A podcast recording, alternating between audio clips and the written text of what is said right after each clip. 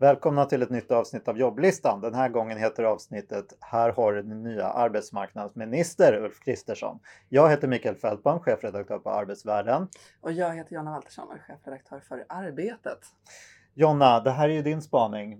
Vem blir nu ny arbetsmarknadsminister när regeringen presenteras? Ja, men precis. Det är väl den stora, stora frågan som jag är väldigt nyfiken på. Ni har ju skrivit en intressant artikel om det eh, där, där ni har bett ett antal personer eh, eh liksom göra, göra sina spaningar, sina gissningar. Så jag kunde inte låta bli att också gissa lite grann. Eh, Moderaterna är inte det parti som jag är expert på, men, men man kan väl tänka lite grann, tänka högt.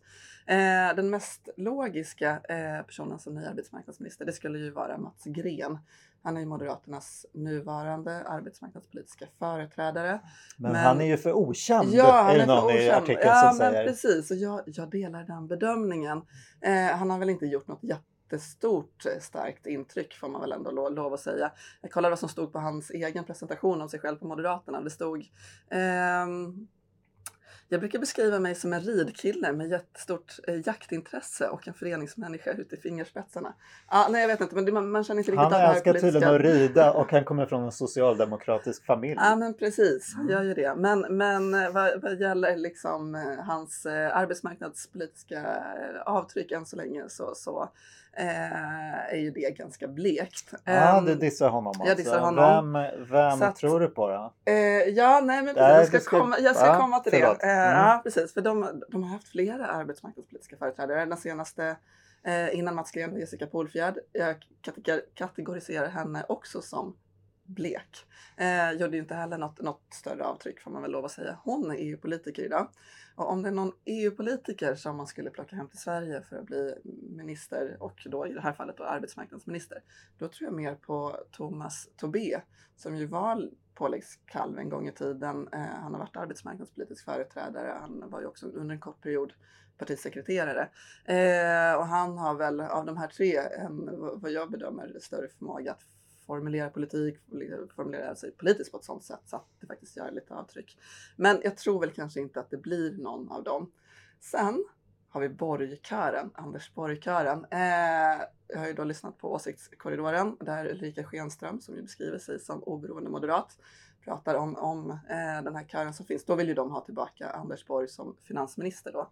Men, eh, och blir han det, tänker jag att ja, men då blir Elisabeth Svantesson ny arbetsmarknadsminister. Det har hon ju varit tidigare. Ah, en rockad. En rockad. Liksom. Mm. Eh, och eh, kan man väl kanske konstatera, det är inte heller så sannolikt. Det skulle ju vara som att liksom vara tillbaka i Fredrik Reinfeldts gamla, gamla regering. Så att jag tror väl kanske inte på det. Jag tror Elisabeth Svantesson blir finansminister. Eh, och vem har vi då kvar? Jo, vi har Mikael eh, Sandström eh, som ju var statssekreterare under Reinfeldt-åren men som har då kritiserat eh, Reinfeldt och den invandringspolitik eh, som föddes under de här åren så att han har ju då kan man säga lierat sig eh, med, med de eh, vad ska man säga, ny, ny, nya moderater som, som nu, nu håller i eh, roret i partiet. Han har ju också varit chefsekonom på, på TCO och även om man också sa upp sig från det jobbet i protest så kan man väl tänka sig att man inom Moderaterna tycker att han liksom eh, Ja men den bakgrunden är intressant hos en arbetsmarknadsminister med de frågor som, som, som ligger framåt i tiden. Eh, han eh, togs ju också in som rådgivare till Ulf Kristersson. Så det är liksom, det är det jag gissar på. Eh, när jag tänker högt och spekulerar vilt. Okej, spännande. Men, ja. Är han tillräckligt inne i den innersta moderata kretsen? Då? Han höll ju, nu jobbar han väl med PR och lite uppdrag åt eh, eh, arbetsgivarna och han höll i den här utbildningen för Mm. Sverigedemokrater som skulle lära sig hur det funkar i, i regeringskansliet. Precis, det kan man Eh, väl kanske se ur ett moderat perspektiv som någonting positivt, vad vet jag.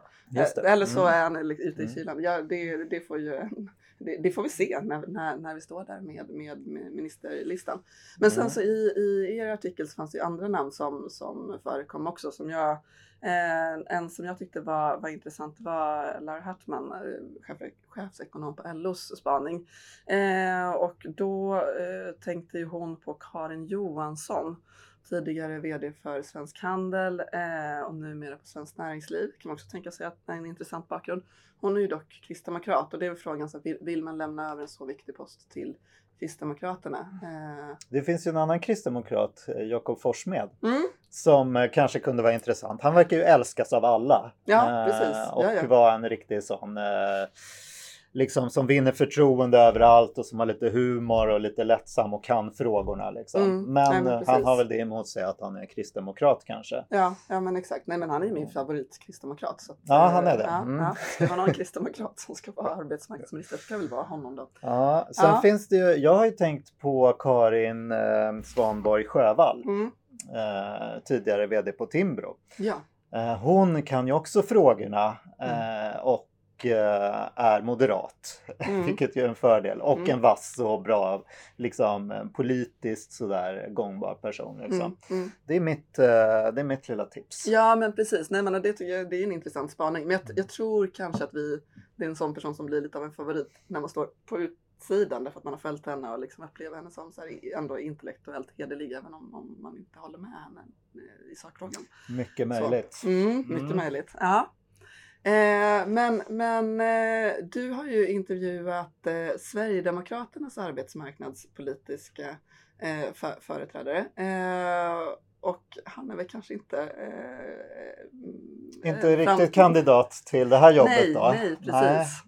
Nej. Nej men det var ju ett intressant samtal med Magnus Persson då, Sverigedemokraternas arbetsmarknadspolitiska talesperson. Han sa ju bland annat, vet inte om han lite försa sig, men, men eh, det handlade om att tillsammans med Socialdemokraterna så har ju Sverigedemokraterna majoritet Mm. i till exempel arbetsmarknadsutskottet, Mm, vilket ju lite kan ses som ett hot om att Ja. vi kan göra upp liksom vid sidan Ja, av ja. regeringsmakten. Jo, men så är det fler, flera av de utskott eh, som Sverigedemokraterna eh, vad heter det, ordförande i. Så det, de, de har ju alla Mm. möjligheter att, att ställa till problem Mm. om de inte får som de vill Mm. eh, i samarbetet med regeringen. Mm. Då kunde jag inte låta bli att fråga honom lite spontant sådär hur han ser på, som gammal socialdemokrat, numera sverigedemokrat, han har liksom ersatt klassanalysen med en sorts eh, svenskar mot invandrare-analys. Eh, och ser han inte att de här problemen på arbetsmarknaden med liksom folk som inte kommer i jobb och så vidare beror på dålig utbildning, svaga liksom, eh, förhållanden på arbetsmarknaden, svårt att komma in på olika jobb och att arbetsmarknaden inte skulle se så mycket annorlunda ut om det inte fanns invandrare. Då skulle svenskar ha de här invandrarjobben idag.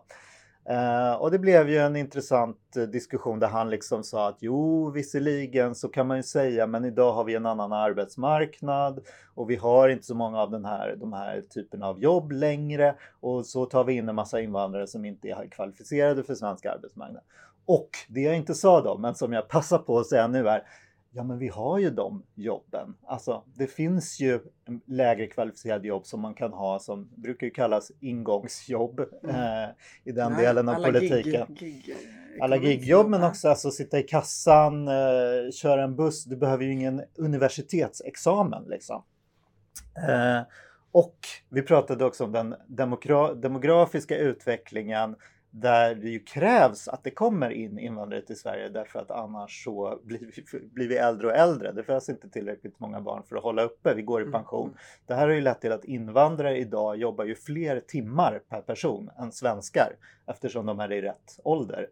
Eh, och det här, vi kommer liksom inte så långt som att de invandrarna som tar de här dåliga jobben i Sverige, de hjälper ju i själva verket till att putta upp svenskar till mer kvalificerade jobb. Om man, vore, om man är svenskfödd så har man ju i själva verket ett intresse av att det kommer in invandrare och tar de här skitjobben då, så som det ser ut i Sverige idag. Mm. Eh, För då så puttas man upp och består strukturen på svensk arbetsmarknad och inte förändras med invandring, vilket är mycket troligt, ja då är ju invandringen en lönsam affär där vi tjänar kanske 1% av BNP.